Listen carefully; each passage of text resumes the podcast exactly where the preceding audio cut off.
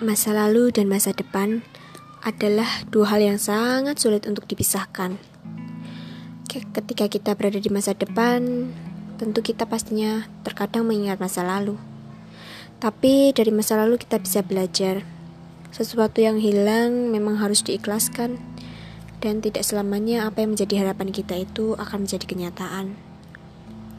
Dari masa lalu juga kita bisa belajar bahwa kehilangan bukanlah rasa sakit satu-satunya. Perlahan pasti juga akan hilang lukanya, pudar rasanya. Kita hanya perlu membiasakan diri. Kita hanya butuh waktu